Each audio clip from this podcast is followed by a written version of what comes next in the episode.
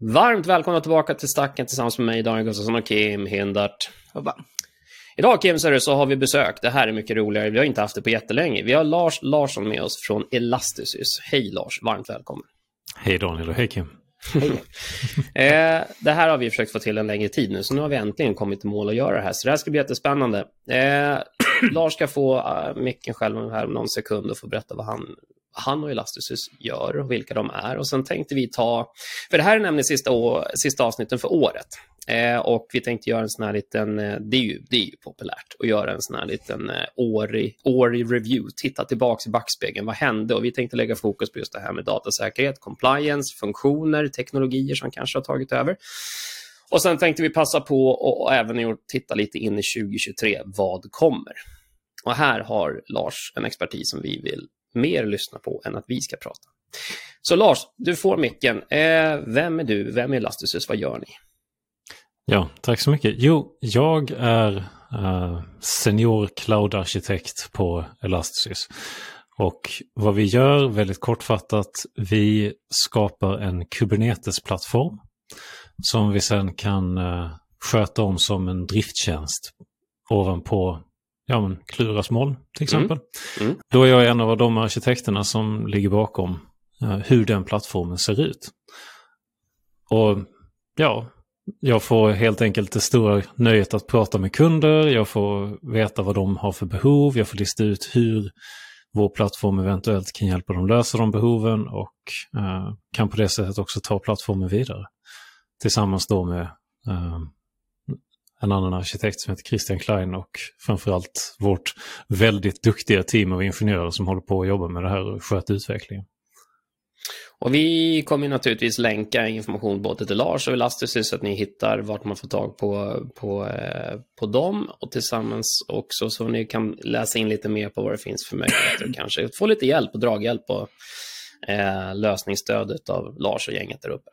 För ni är ju, är ni Umeå-baserade fortfarande? Var det där i början gång i tiden? Huvudkvarteret är fortfarande kvar där, så där, där är det allra största delen av företaget. Men jag sitter nere i Lund. Just så det. Även jag har snö, även om det inte är riktigt lika mycket som de har. Uh, och uh, ja, här är, vi, här är vi strax under 10 personer här i Lund, men uh, företaget som stort är över 40 pers nu.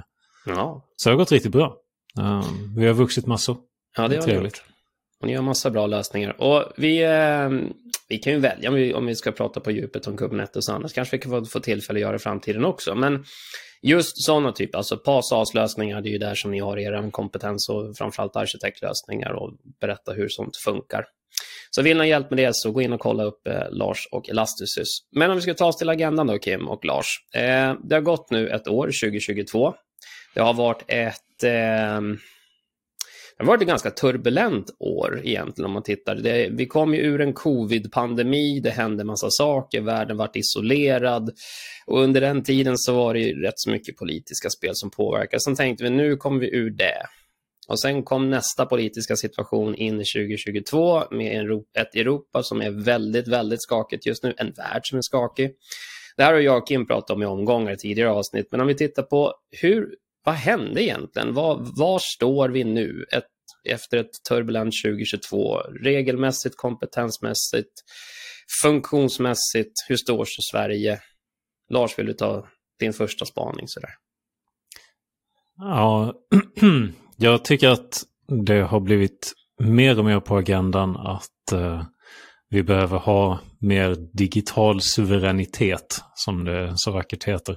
Även om det är väldigt svårt att säga det. Mm. uh, jag tycker att det är någonting som har blivit viktigare och viktigare. Man ser att det är någonting som prioriteras mer när offentlig sektor gör upphandlingar och så. Uh, och jag tycker att det är väldigt bra. Jag tycker att det är också väldigt bra att man bara funderar lite grann på vad det skulle kunna innebära att ja, men helt plötsligt så slås en stor aktör ut på ett eller annat sätt. Jag menar, vi har haft intressanta fall, inte där kanske en av uh, just molninfrastruktursleverantörerna har slagits ut, men man ser ju vilket kaos det kan bli om Trafikverket bara har fel på telefonsystemet eller vad mm. det nu var som hände bara häromdagen som gjorde att tågen stod still i södra Sverige. Liksom. Mm. Uh, så Jag tycker, att, jag tycker att det är intressant. Det visar på den sårbarhet vi har i vårt väldigt digitaliserade men samtidigt rätt så kanske naivt digitaliserade samhälle som vi har idag. Mm. Kan gå in på det lite mer sen. Kim, vad, hur ser det på 2022? Ja, nej, jag håller med Lars där att nu börjar vi se lite trender. Kraven börjar komma nu. Så att säga, från åtminstone stora aktörer så börjar komma krav. Så det märks ute i, jag tror vi båda ser det i våra kundled, att där börjar det komma förfrågningar. Men kanske inte i första hand från stora myndigheter i sig, utan deras kunder och leverantörer i sig. Mm. Men den här naiviteten som du pratar om Lars, om du utvecklar den då, vad, vad kommer den av? Jag vet inte. Jag tror att kanske kan det bero lite grann på att vi var väldigt snabbt ute med att digitalisera väldigt många saker. Men att vi då kanske heller inte nödvändigtvis tänkte ja, på att göra det som heter due diligence. Alltså man funderar så här, liksom, är det här liksom en vettig lösning? Kommer den att funka? Uh, har vi någon form av backup-plan? Det verkar inte som att man hade så bra backup-plan uh, gällande vissa grejer som har hänt nu under året. Så jag vet inte, jag tycker att det är läskigt.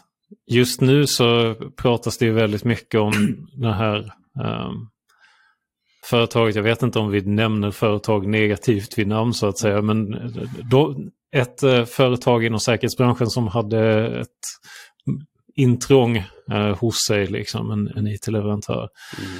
Uh, som hade stor effekt på a-kassor och så vidare. Det är ju det är tråkigt när sånt händer. Mm.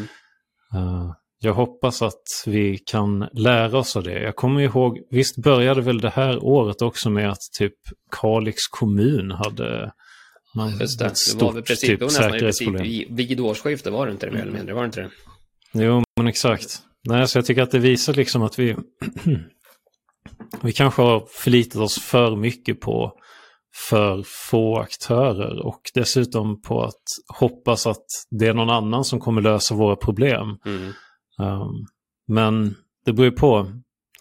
Det är en bra approach i vissa lägen men samtidigt så är det kanske inte en så bra approach ifall man inser att man är en väldigt liten kund hos ett väldigt stort företag. Då, då spelar ens problem inte riktigt så stor roll som man själv tycker att de borde göra. Jag är en stor vän av någonting som heter affärskontinuitet. Jag hållit på och jobbat med ett ISO-ledningssystem som heter 22301. Ett väldigt oälskat sådant. Väldigt, eh, det är inte det man tänker på först när man pratar om ISO-ledningssystem. Men jag kan säga att vi, mm. vi fick nog vår renässans det här året, vill jag säga. Just det här med vad har vi för förutsättningar? Vad har vi vår primära leverans? Finns det en backup, precis som du sa? Vad händer ifall vår primära leverantör går ner eller driftar vi själv? Eh, har vi mer än en internetleverantör? Ja, det kanske vi inte hade. Nej, om vi inte hade det, vad hände då? Då försvann vi. Ja, vad har vi för affärskompetens och kapacitet nu? Ja, inte alls, precis som du säger. Digitalisering kommer inte minska, vi blir inte mindre digitala. Eh, det bara ökar och ökar. Så att någonstans där på vägen så har vi ju fått en snudd på kalldusch tror jag, för rätt många. Och sen hade vi också kanske en attityd precis som du sa, någon kommer rädda oss. I det längsta så tänkte jag att det här med GDPR och det här med datalagar och allt det här krångliga, det måste ju, någon, det måste ju, det måste ju bara staten lösa åt oss. Det här kan ju inte funka för vi, vi klarar inte av att verka, av att liksom föra verksamhet och så löstes inte det. Och då hamnade vi i ett panikmode istället för ett lösningsmode. Och det är, det är också lite effekten av att man inte hade kanske tänkt hela vägen ut eller vågat ta de orden i sin mun. Tänk om någonting försvinner. Vad gör vi då? Så någonstans där skulle jag säga att eh, affärs, affärssystem, eller våra affärssystem och vår affärskontinuitet har fått en rejäl kalldusch det här, 20, det här 20 jag kan, Jag kan väl tänka mig att 2022 var väl det här året då väldigt många suttit och säger men det här kommer ju inte hända, det är orimligt. Det är bara domedagsprofetior och sitta och resonera, vad händer om? Mm. Men jag tror att 2022 var väl det året som bevisade lite grann att det här med vad händer om kan faktiskt kan inträffa. Mm. Vi har precis klarat en global pandemi och så startar en figurkrig i Europa. Mm. Ja.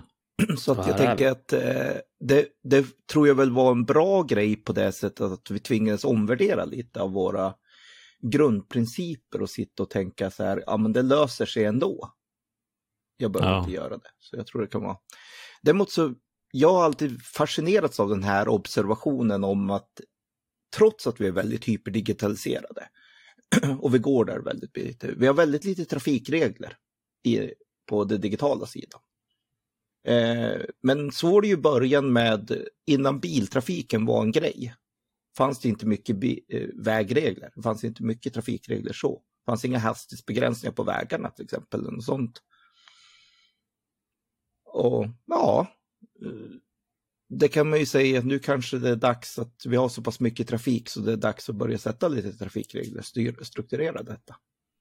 Ja men absolut. Det är ju någonting som jag tycker att vi, vi får ju se hur det faller ut. Men det är någonting som vi ser nu när NIS 2-direktivet uh, eh, kommer. Uh, och det slår på så många fler ställen också. Det känns ju lite grann som att det är ett sätt att försöka säga att ja, det här var faktiskt inte bara det här med datorer, det var inte bara ett bekvämare sätt att jobba med, med, med med papper, typ att de fick vara elektroniska istället. Utan det här är faktiskt någonting som har gått och blivit helt avgörande för att samhället ska funka.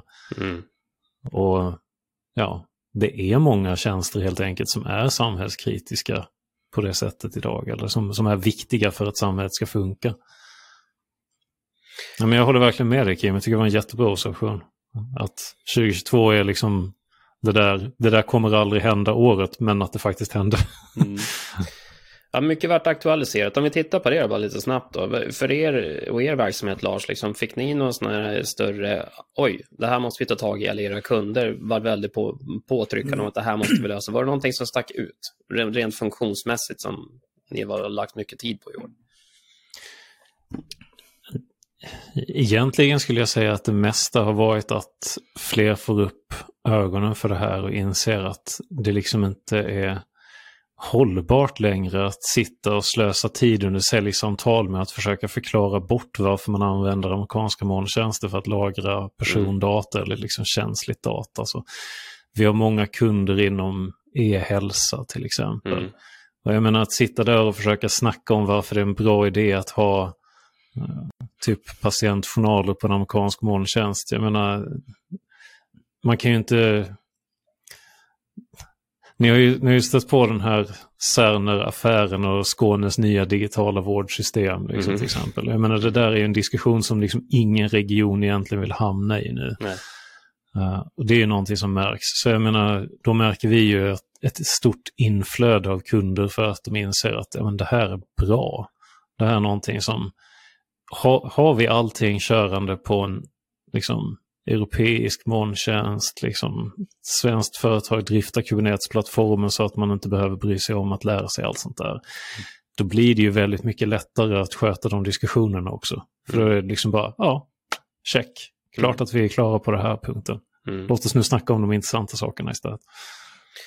Har eran, har eran arbetssätt och attityd för, tvungen att förändras, det vill säga kanske mindre tekniklösning och mera guidande, utbildande fokus. Vi har upplevt i alla fall, hur har ni haft det? Vi har, vi har märkt att vi är mer utbildare än vad vi är tekniklösare och har också varit en effekt under 2022. Hur såg det ut för er?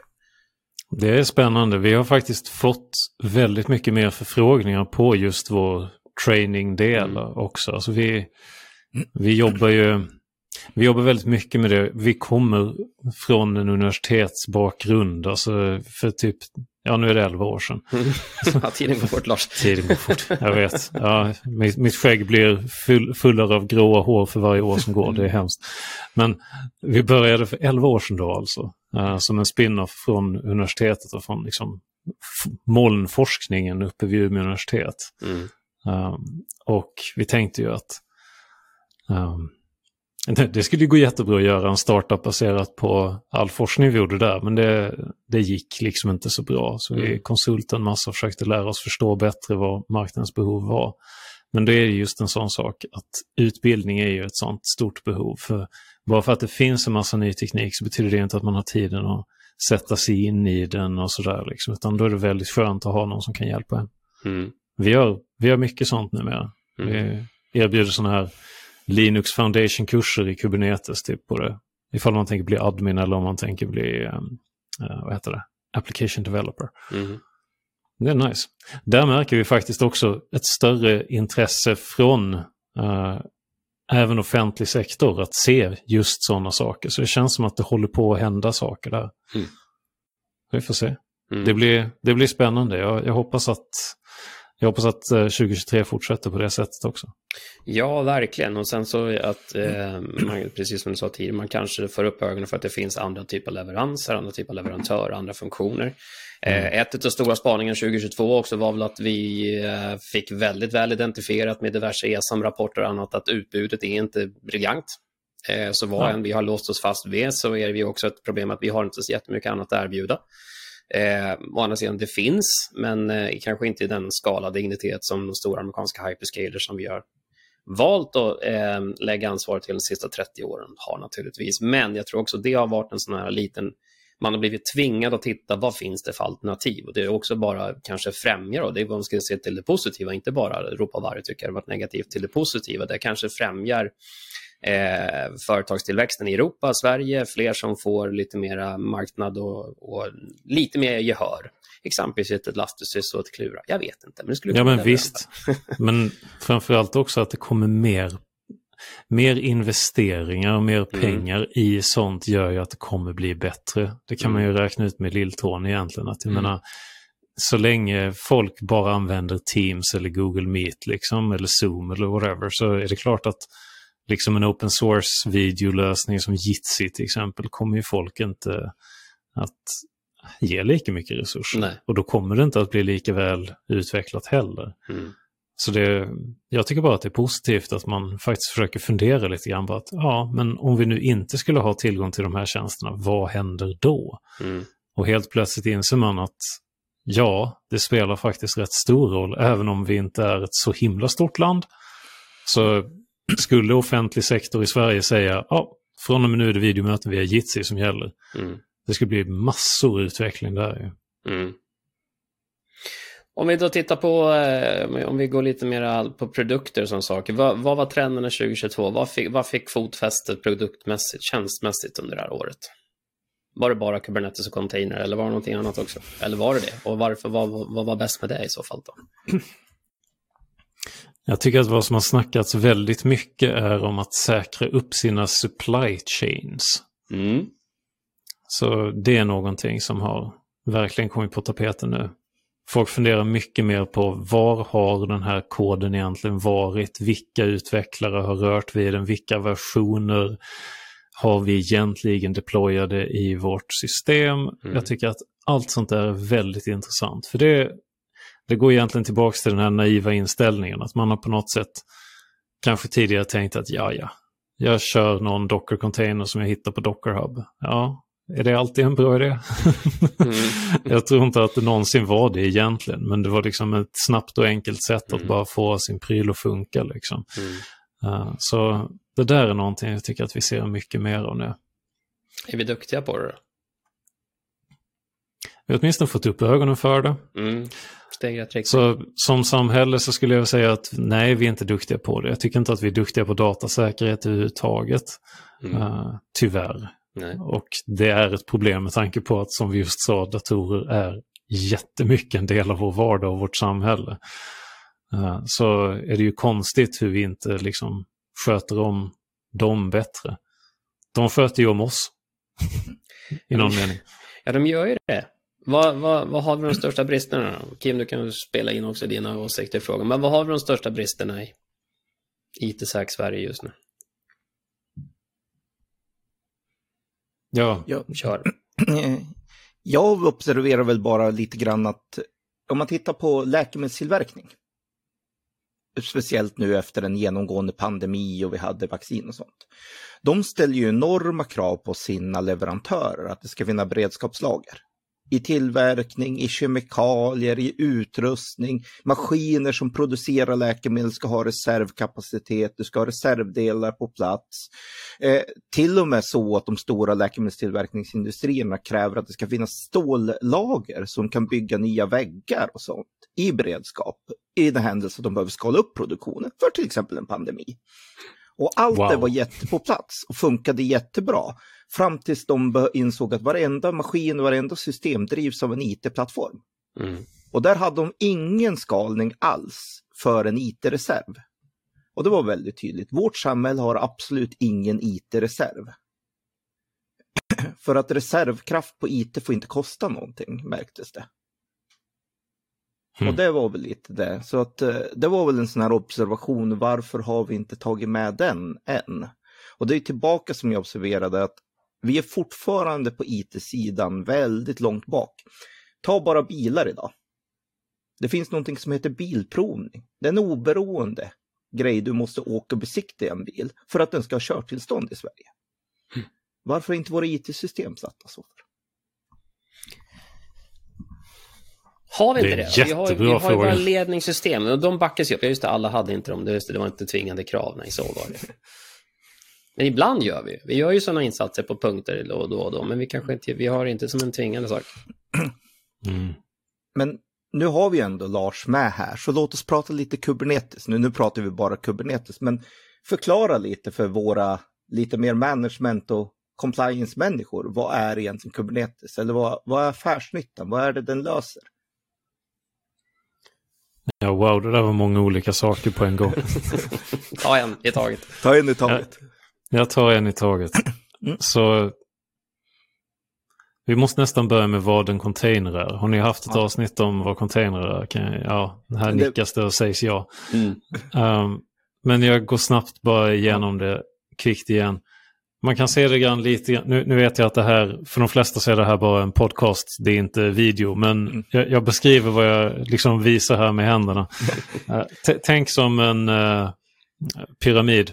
Längst upp, där är liksom applikationskoden. Det är en väldigt liten del som man faktiskt har utvecklat själv. Under den finns ju en massa sådär kodbibliotek man har hittat via internet som löser någon uppgift på ett bra sätt så att man slipper skriva all den koden själv. Dessutom så körs ju, så det blir så att säga den programvaran man har, men dessutom körs den programvaran ju i ett operativsystem som har en viss version, det finns vissa stödprogram som hänger med, det hänger med lite andra mjukvaror liksom med det här operativsystemet. Alla de sakerna tillsammans är ju i stort sett rörliga delar. Och alla utvecklare har upplevt att de har provat sin kod på egna datorn, det funkade jättebra, sen så låter de en kollega prova det och då funkar det inte bra alls längre. För att det är olika versioner, för att de här rörliga delarna de var inte riktigt samma version. Och det slösar man jättemycket tid på. Det går ofantliga mängder tid på att försöka leta reda på sådana där saker. Så affärsnyttan med containers är att någon kom på att då kan man ta alla de här rörliga delarna och slå ihop till en enda logiskt sett klump då liksom som är sammanslagningen. Då har man bestämt att nu är det de här versionerna av allting som gäller. Och de ska nu distribueras som en enda klump. Så affärsnyttan med det var att helt plötsligt slapp man alla de här problemen att utvecklare hade olika versioner och att det kostade en massa tid när man utvecklar. Det snygga är också att har man gjort tester på att mjukvaran är korrekt i den här klumpen i sin testmiljö, då kan man ta exakt den här containern då och köra i sin produktionsmiljö istället. Det är fantastiskt.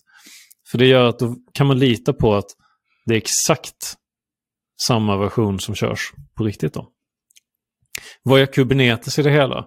För det där var bara containrar, det var liksom fördelar med containrar. Mm. Vad gör Kubernetes? Jo, men Kubernetes är ett system som listar ut, om du har ett gäng servrar, vilken server skulle ha tillräckligt med kapacitet för att köra en sån här programvara förpackad i en container?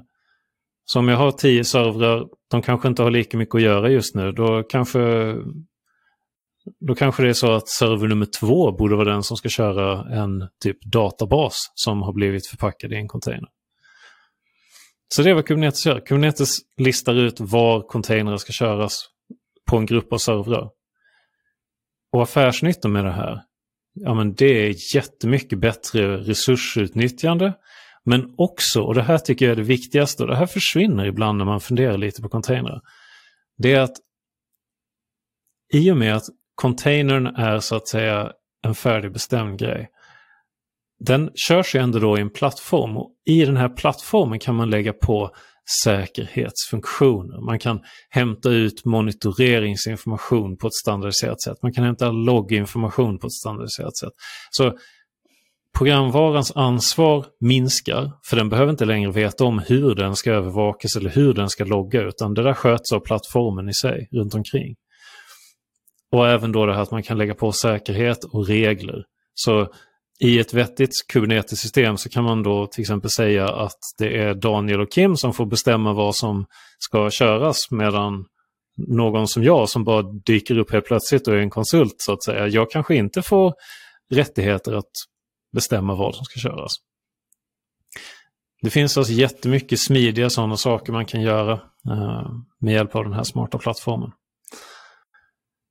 Så och, rättighetsstyrning, audit trails, redovisning, log tracking, allting sånt som en auditör letar efter när de just man ska komma och titta vad har ni gjort. Exakt.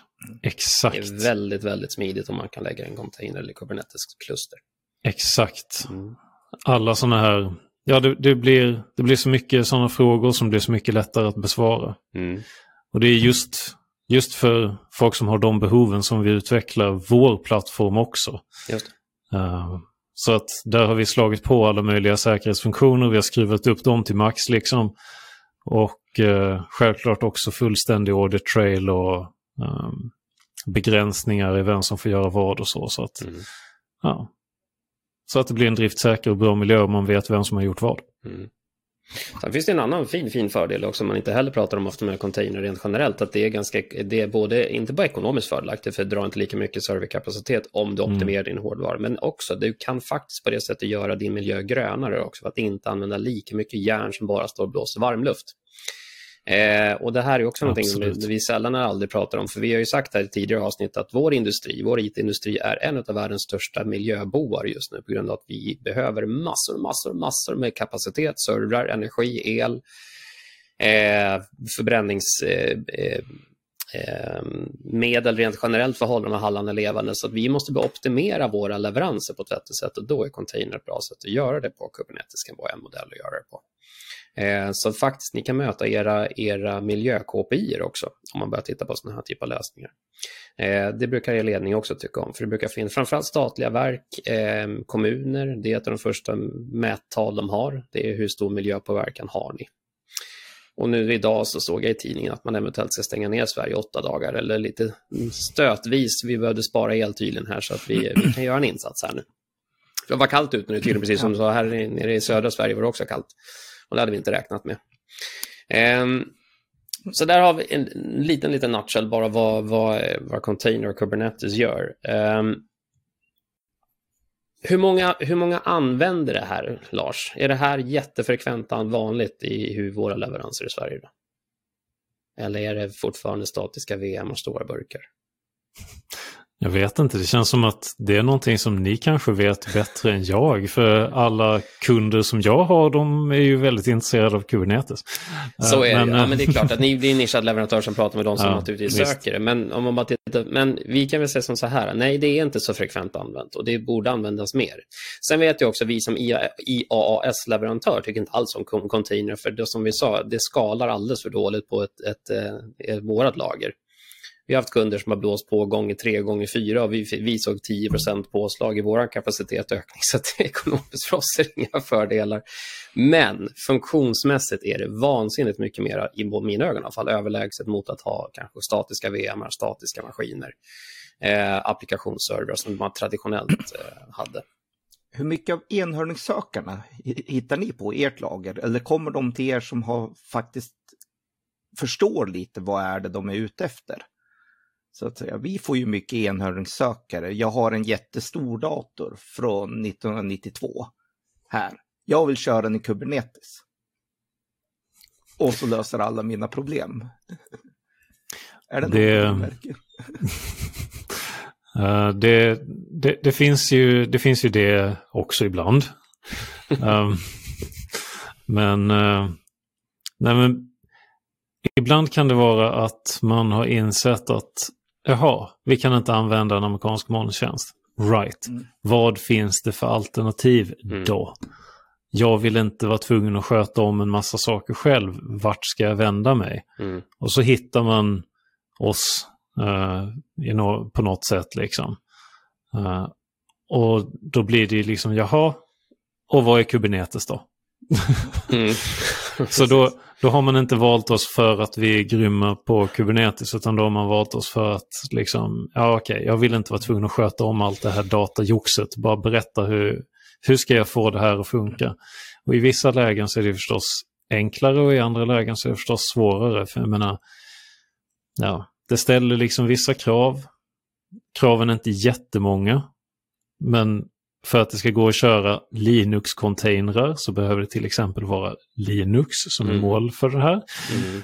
Uh, det, det, finns ibland folk som... Ja, men problemet är lite grann att Docker, alltså de, det företag som gjorde containrar väldigt populära, de har ju också sett till så att det finns liksom Windows-containrar och då kommer, kommer nästan alltid frågan, jaha, kan vi köra de här uh, Windows-containrarna hos er? Nej, tyvärr. Därför att det är ju då en Windows-programvara i så fall. Och då mm. krävs det att Windows egentligen är där i botten. Och det blir, blir man ju lite besviken av när man hör så här. När man hör mig säga saker som att hela operativsystemet är inpackat där i. Well, nästan. Mm. det är inte exakt hela. De, de, de körs på en och samma dator. Så vilket operativsystem som är i botten spelar fortfarande väldigt stor roll. Mm. Mm. Vi sa Men, det här, ja, precis. Ja, förlåt, kanske. Häromdagen, jag och Daniel, att viss av den här ny teknologin är ju fantastisk. Det är ju nästan enhörningsfenomen fenomen bakom det hela. Så jag kan ju på ett sätt förstå folk som genuint blir besvikna när det inte är enhörning hela vägen. Så att säga. Så att vi som är lite till åren och kommer ihåg tiden innan man i sin mobil kunde klicka klick och så fick du en pizza hem till dörren. Då man faktiskt genuint fick sätta sig på, cykeln och åka och hämta en pizza någonstans. Eh, den är ju så att säga, så det, det har ju hänt onekligen väldigt, väldigt mycket, men det här är så här, budskapet är väl containers är helt fantastiskt. Kubernetes är jättebra att drifta containers, men det löser inte alla era befintliga problem. Så att det är det. Jag tänker på ett ganska nyligen case här som var jätteroligt. Byte av en stor trafikplattform. Och så blev kapaciteten så pass begränsad så det är svårt att uh, ja, hålla trafik igång på ett vettigt sätt.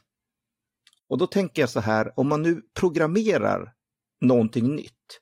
Man började 2020 och programmera ett nytt system. Och det kan inte skala lastmässigt.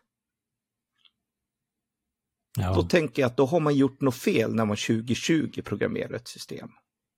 Som ja. inte går att skala lastmässigt. Jo, absolut att skriva programvara som faktiskt skalar är inte helt lätt. Eh, det är svårt, men det finns ju vissa generella principer.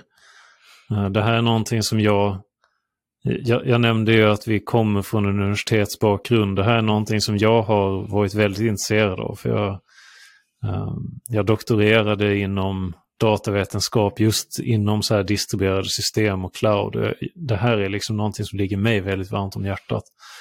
Um, man kan, om man googlar på Scalability Design Principles kan man ha turen att hitta en artikel som jag skrev för länge sedan vid det här laget, typ 2015. Men principerna de har liksom inte förändrats egentligen.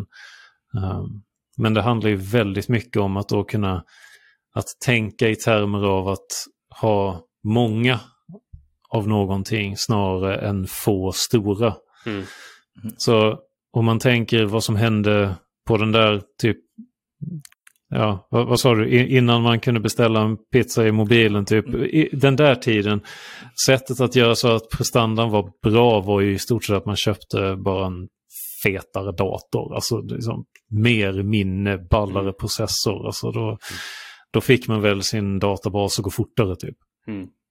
Men det där skalar ju aldrig eh, så bra som om man redan från början har tänkt sig att nej, nej, behöver vi mer kapacitet då ska vi lägga till den vid sidan om. Vi ska ha flera sådana här servrar eller vi ska ha flera containrar i, i Kubernetes-värld. Liksom.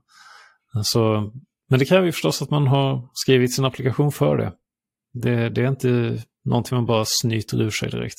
Det... Så den här frågan då, Men kan inte Kubernetes lösa det? Att om jag skriver en applikation som inte kan skala, kan inte Kubernetes magiskt göra att den blir horisontellt skalbar i alla fall? Nej, tyvärr. Attas. tyvärr, tyvärr. Nej, jag, jag önskar att det fanns någon sån magi. Um, man får... Det, det är en verktygslåda. Man får tillgång till samma verktyg som man använder i liksom till och med världens största företag. För jag menar, vi snackar ju liksom att om man åker på den här mässan för Kubernetes, KubeCon, alltså då ser man ju alla gigantoföretag. Jag menar typ BMW var där och berättade liksom om hur de körde liksom hundratals eller tusentals kluster och allt vad det nu är. Alltså jag menar det är som, finns ingen hejd på hur populärt det här är bland de riktigt stora och det är så roligt för att det är ett så stort community där folk faktiskt hjälps åt och se till så att allting blir bättre. Mm. Um, jag önskar att det gjorde att det fanns någonting som man bara kunde magiskt liksom så sprinkla lite Kubernetes på det hela och sen så, så funkar allting. Ja, mm. precis. Mm. Att, det, att det är sånt pixie dust så att det liksom mm. bara får allting att bli skalbart och fantastiskt. Men det är det ju inte. Men man har verktygen i alla fall för att bygga bra tjänster. Men på samma sätt som jag, menar, jag är jättekass som hantverkare, alltså jag är verkligen sämst. Det är skrattretande. Men, men jag, jag kan köpa alla möjliga verktyg också, men man måste ju ändå lära sig att använda dem. Mm. Uh, det är tyvärr inte i bara verktygen det ligger, för då hade, det, då, då, hade jag bara varit en rejäl shoppingrunda bort från att vara en grym hantverkare, men det är jag inte. Vad är det som står i vägen tror du för det här med, jag menar, nu behöver vi inte gå in i jättedetalj, men bara allmän fundering. Vad är det som står i vägen för som precis som Kim säger, om en app byggs 2020 och den är fortfarande statisk, den är inte skadbar. Vad är det som står i vägen för att man ska liksom komma över den här tröskeln och börja bygga modernt? Är det kunskap? Är det brist på energi, brist på idéer eller är det bara att så här har vi alltid gjort förr, därför ska det regera? Är, vad, vad, vad, är din syn på det där? Vad, vad står i vägen för att börja bygga smart och nytt och modernt? Ja, alltså om det verkligen var att bygga någonting från grunden. Mm. Säg att vi har den lyxen. Vi, vi får ja. bygga från scratch. Ingenting gammalt skräp, utan vi, bör, vi ska bygga någonting nytt, fräscht, modernt, säger vi. Och så slutar mm. det med en statisk kloss som står där och den kan inte röra på sig mer än vad kapaciteten tillåter. Vad kommer, Då... vad kommer det därifrån, tror du? Då tror jag att det kommer väldigt mycket från att man inte har anammat ett nyare sätt att utveckla programvara mm. äh, egentligen. Och ibland så pratar man om saker och ting som är cloud native och mm. jag avskyr egentligen det ordet på sitt sätt för att det verkar betyda olika för olika människor på samma sätt mm. som cloud i sig betyder olika för olika människor, om jag ska vara helt ärlig. Äh, min definition, och den är bara min uppenbarligen, äh, är egentligen att programvara som är cloud native är sådan som är skriven och förutsätter att det finns ett moln runt omkring. Så att den förutsätter liksom från början att det ska gå att skala horisontellt, alltså flera typ servrar, flera poddar, flera whatevers. Liksom. Mm. Um, så att det är det som är det paradigmet man har haft i huvudet när man designar det. Snarare än att man liksom tänker sig att nu ska vi ha den största, biffigaste datorn här. Liksom. Mm. Så för mig i alla fall så är det det som gör en programvara till cloud native. Um, om man nu har designat någonting utan det i åtanke, så att man blandar sånt som har tillstånd med sånt som är tillståndslöst, så att du inte kan skala de sakerna oberoende av varandra. Om du gör alldeles för mycket inuti en databastransaktion, om du i värsta fall försöker låsa flera komponenter för att utföra ett jobb, om du inte separerar så att säga det som måste ske i realtid från det som inte behöver ske i realtid. Mm. Uh, jättemånga sådana där saker är ju liksom, ja, det är sånt som helt enkelt ligger i vägen för en. Så ha, om, man, om man är van vid hur man skulle utveckla programvara som dessutom kanske var gjord för vissa omständigheter. Typ att man var duktig på att utveckla en desktop-programvara. Folk kan vara jätteduktiga på att göra liksom desktop-program.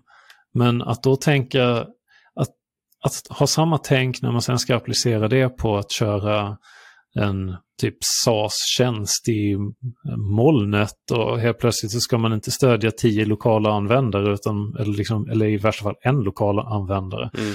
Utan vi snackar tusentals eller tio eller hundratusentals istället. Det är ju en himla skillnad. Mm. Det är helt andra trade-offs man måste göra. Helt annat sätt att jobba med data. Precis.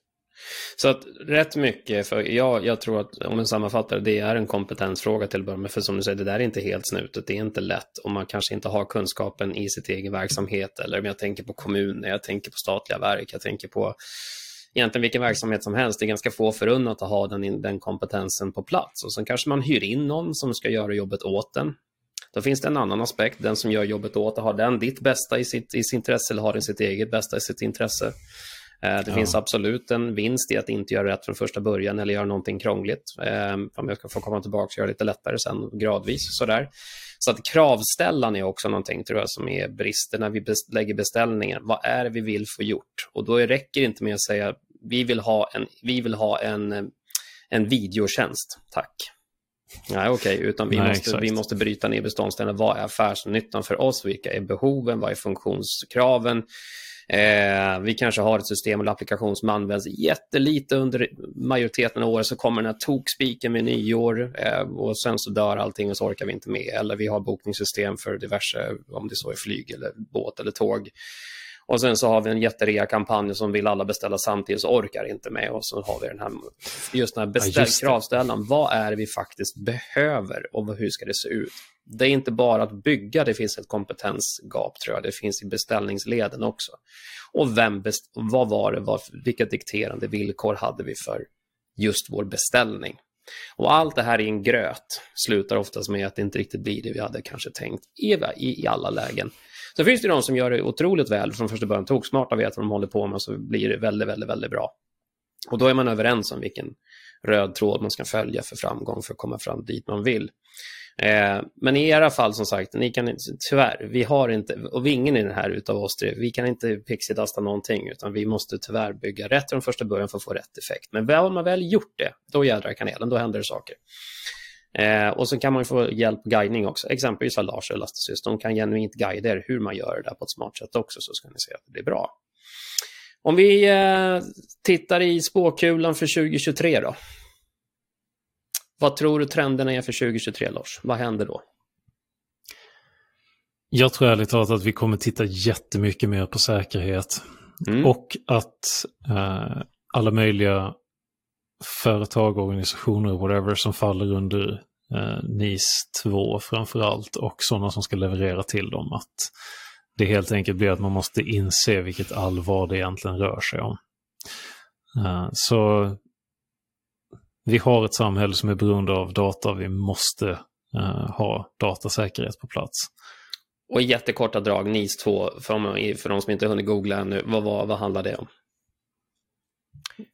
jätteenkelt förklarat så är det väl att uh, ja, vissa tjänster har setts som så att säga sådana som bär upp samhället och uh, nu så utökar det uh, rätt så markant mm. till fler. I EU har ju satt en definition nu på vad är samhällsviktiga tjänster, det är det det mm. kallas. Och då är det så att då finns det ett lagkrav som gör det skyldigt att du måste ha en viss beredskap för att kunna upprätthålla samhällsviktiga tjänster. Och här har du ju precis som vi sa tidigare, för en gång skulle kommit någonting som tittar på IT-sidan också, som samhällsviktig. Mm. Och det är ju, ja, eh, konstigt att det inte skett tidigare, men här är vi i alla fall, så det är jag glad att den kommer nu. Mm. Det jag tror att många tänker det är ju det att ja, men jag är inte en myndighet, jag är inte en offentlig sektor, jag är ingen samhällsviktig verksamhet. Mm. Och där tycker jag är jättefantastiskt bra nu att nu har de som lagstiftade NIS2 tänkt till. För att de säger att jo, men om du hindrar, om din tjänst är nödvändig för någon myndighet eller någonting att uppfylla en samhällsviktig funktion, då är du också samhällsviktig tjänst. Jag stod för inte så länge sedan på eh, en juristkonferens för banker. Och då sa bankerna att ja, men det är bara våra betaltjänster som är samhällsviktiga. Våra småbanker som har små konton, regionala konton, de är ju inte samhällsviktiga. Och då sa jag att jo, därför att NIS 2 kräver att du tittar på vad är konsekvensen om din tjänst försvinner? Vad får det för samhällskonsekvens om din tjänst försvinner? Och då var det ju så att de här små bankerna, de skötte ju ekonomin för massa viktiga företag. Mm. Inte att de själva var viktigt, men de skötte lokala väktare, lokala elbolag, lokala installationsbolag. Vad händer när de här bolagen inte kan driva sin ekonomi som bolag? Mm. Ja, då försvinner en massa viktig samhällsberedskap i den regionen. Just det. Och det är det här som NIS 2 sätter ett fokus på. Eh, och jag håller med er Lars, jag tror att det blir en relevant, mycket relevant grej under 2023 som jag tror att vi kommer få prata mycket. Så var GDPR snackisen en massa år så tror jag, NIS 2, Cloud Act, Data Act, de här, det som kommer från EU som börjar faktiskt reglera hur IT-leveranser ska se ut rent generellt, inte bara hur, hur funktionssamhället ska funka utan även att hur vi levererar en tjänst. Vi har ju levt lite oreglerat eh, rätt många år. Nu börjar det faktiskt komma lite krav på hur en IT-leverans ska se ut för att den ska vara okej okay och godkänd också. Jag tror mycket det kommer vara någonting som vi, om inte annat vi som levererar, kommer få dra öronen åt oss och börja fundera på, för jag tror de frågeställningarna kommer komma. Funktionsmässigt, applikationsmässigt, är det, något, är det någon ny sån här, kommer det nya buzzwords? Kommer det något nytt spännande som vi aldrig hört talas om som ska revolutionera världen? Garanterat. Jag, jag vet inte. Jag, jag kan inte förutspå vad som kommer där. Nej, tyvärr. Tyvärr, tyvärr. Nej, men jag, jag, tror att i sammanhang med det här och i sammanhang med också att man tittar mer på sina supply chains. Mm. Jag tror att vi kommer att få ett stort uppsving också för policy as code, alltså att man liksom redan på, på, på en kodnivå liksom redan tidigt i sina uh, mjukvarubyggsteg och så kan avgöra att nu håller jag på att göra någonting som är uh, inkorrekt. Um, nu, nu avbryts processen för jag håller på att bryta mot en eller annan policy då enligt vår informationssäkerhetsstandard. Liksom. Mm. Jag tror att vi kommer se mer sånt, därför att jag tror att det här kommer bli mycket mer en hygienfaktor som man liksom inte kan ignorera längre. Mm. Jag brukar säga det här lite grann som livsmedelshygien det är så dags att tvätta händerna efter du har serverat maten. det är innan du serverar maten du vill tvätta händerna. Ja, faktiskt. Så ordningen har också en viss vikt i samma sammanhanget. Så att säga. Och det, ja. Exakt. Jag brukar verkligen också säga det. Jag föredrar för att folk har liksom förhindrat att någonting dåligt sker istället för att man låter det dåliga ske, att man upptäcker det. Mm. det ja. Det är en enorm skillnad. Så det var, men på tal om just, det var faktiskt en live-checklista. Tvätta händerna stod på checklistan. Mm. Men den kom inte i ordning. Ja, följdaktigt, vad hände? Jo. Usch, precis, exakt. Tråkiga konsekvenser. Men tror du det också, Lars, det här med att allmänt Tror du, vi pratar lite om att man har insett saker och ting. Faktiskt, nu börjar ju saker hända. Tror du, tror, tror att 2023 kanske blir året där vi börjar lägga lite tid, krut, kraft och pengar framför allt på att vara lite mer preventiv och inte reaktiv? Eller är det för mycket att begära? Man kan ju hoppas. Mm. Jag tror att ju mer vi ser till exempel då biljettbokningssystem trilla omkull vid midnatt och sen vara trasiga alldeles för länge liksom. Mm. Eller eller typ en leverantör som ja, märks alldeles för mycket ifall de har haft säkerhetsproblem. Jag tror, att, jag tror att ju mer sånt som händer, desto mer kommer vi att inse att vi måste ta det på allvar. Mm. Men det är alltid ett problem det här med att faktiskt våga låta saker och ting kosta. Det är som du sa här Kim, med liksom oj vad läkemedelsbranschen var duktiga på att förbereda på alla möjliga fronter. Förutom IT. Mm, just det. Som att de inte använder datorer i enorm utsträckning när de utvecklar medicin och annat. Det är ju bara att titta att bara en sån enkel grej som att ett test gick lite fel när man körde i en kärnreaktor. Och nu står vi still och hela svenska ekonomin helt plötsligt får en inverkan. Ja. De är jätteberoende av IT-system. Jag vågar inte ens tänka på hur läskigt gamla saker som finns där inne. Mm. Jag Eh. hoppas att de inte kopplar på internet, men ja. Nej, men, Inte de läskigaste systemen i alla fall. men även om de är inte är på internet så tycker jag det är läskigt nog ändå att Ja. ja. de är där de är. Och då är frågan, om en sån grej bara hade lite kan sätta en sån ur spel, vad, vad skulle hända om det blev ett större problem som orsakade ett helt kärnkraftverk försvann till exempel? Mm. Nu sitter vi jädrigt illa till egentligen i dagens läge, men det här är ju ändå någonting som jag hoppas att kommande tvingar oss att tänka lite mera. Vad har vi för beredskap?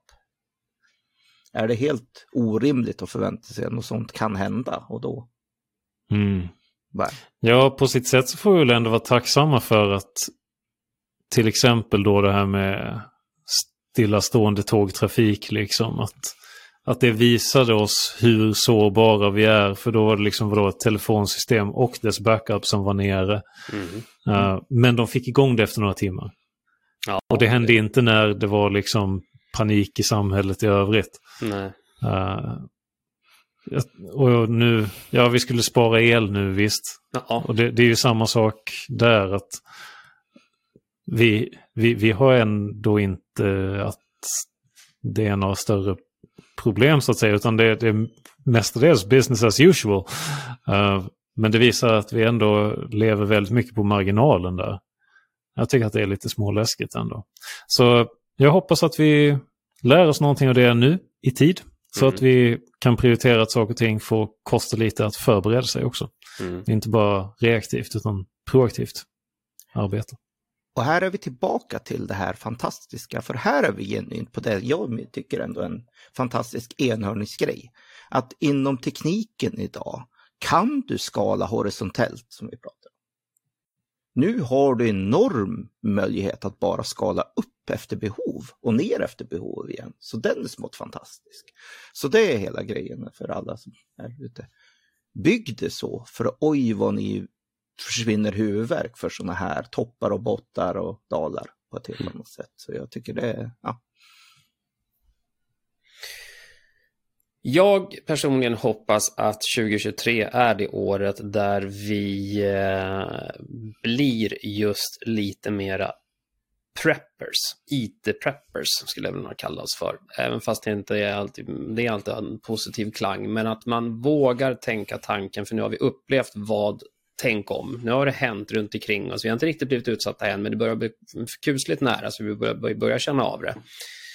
Och i alla kriser, genom alla år, genom alla kriser så kommer alltid kreativitet. Och det är min absoluta förhoppning med 2023 också. Att vad än som vi tyckte var jobbigt, hemskt fruktansvärt i år, det vi sprang på, eller vad, vad vi kanske ser flaskhalsar eller tillagpoäng, okej, bokningssystem, om det så är tågflyg eller vad det än är, våra kärnkraftverk.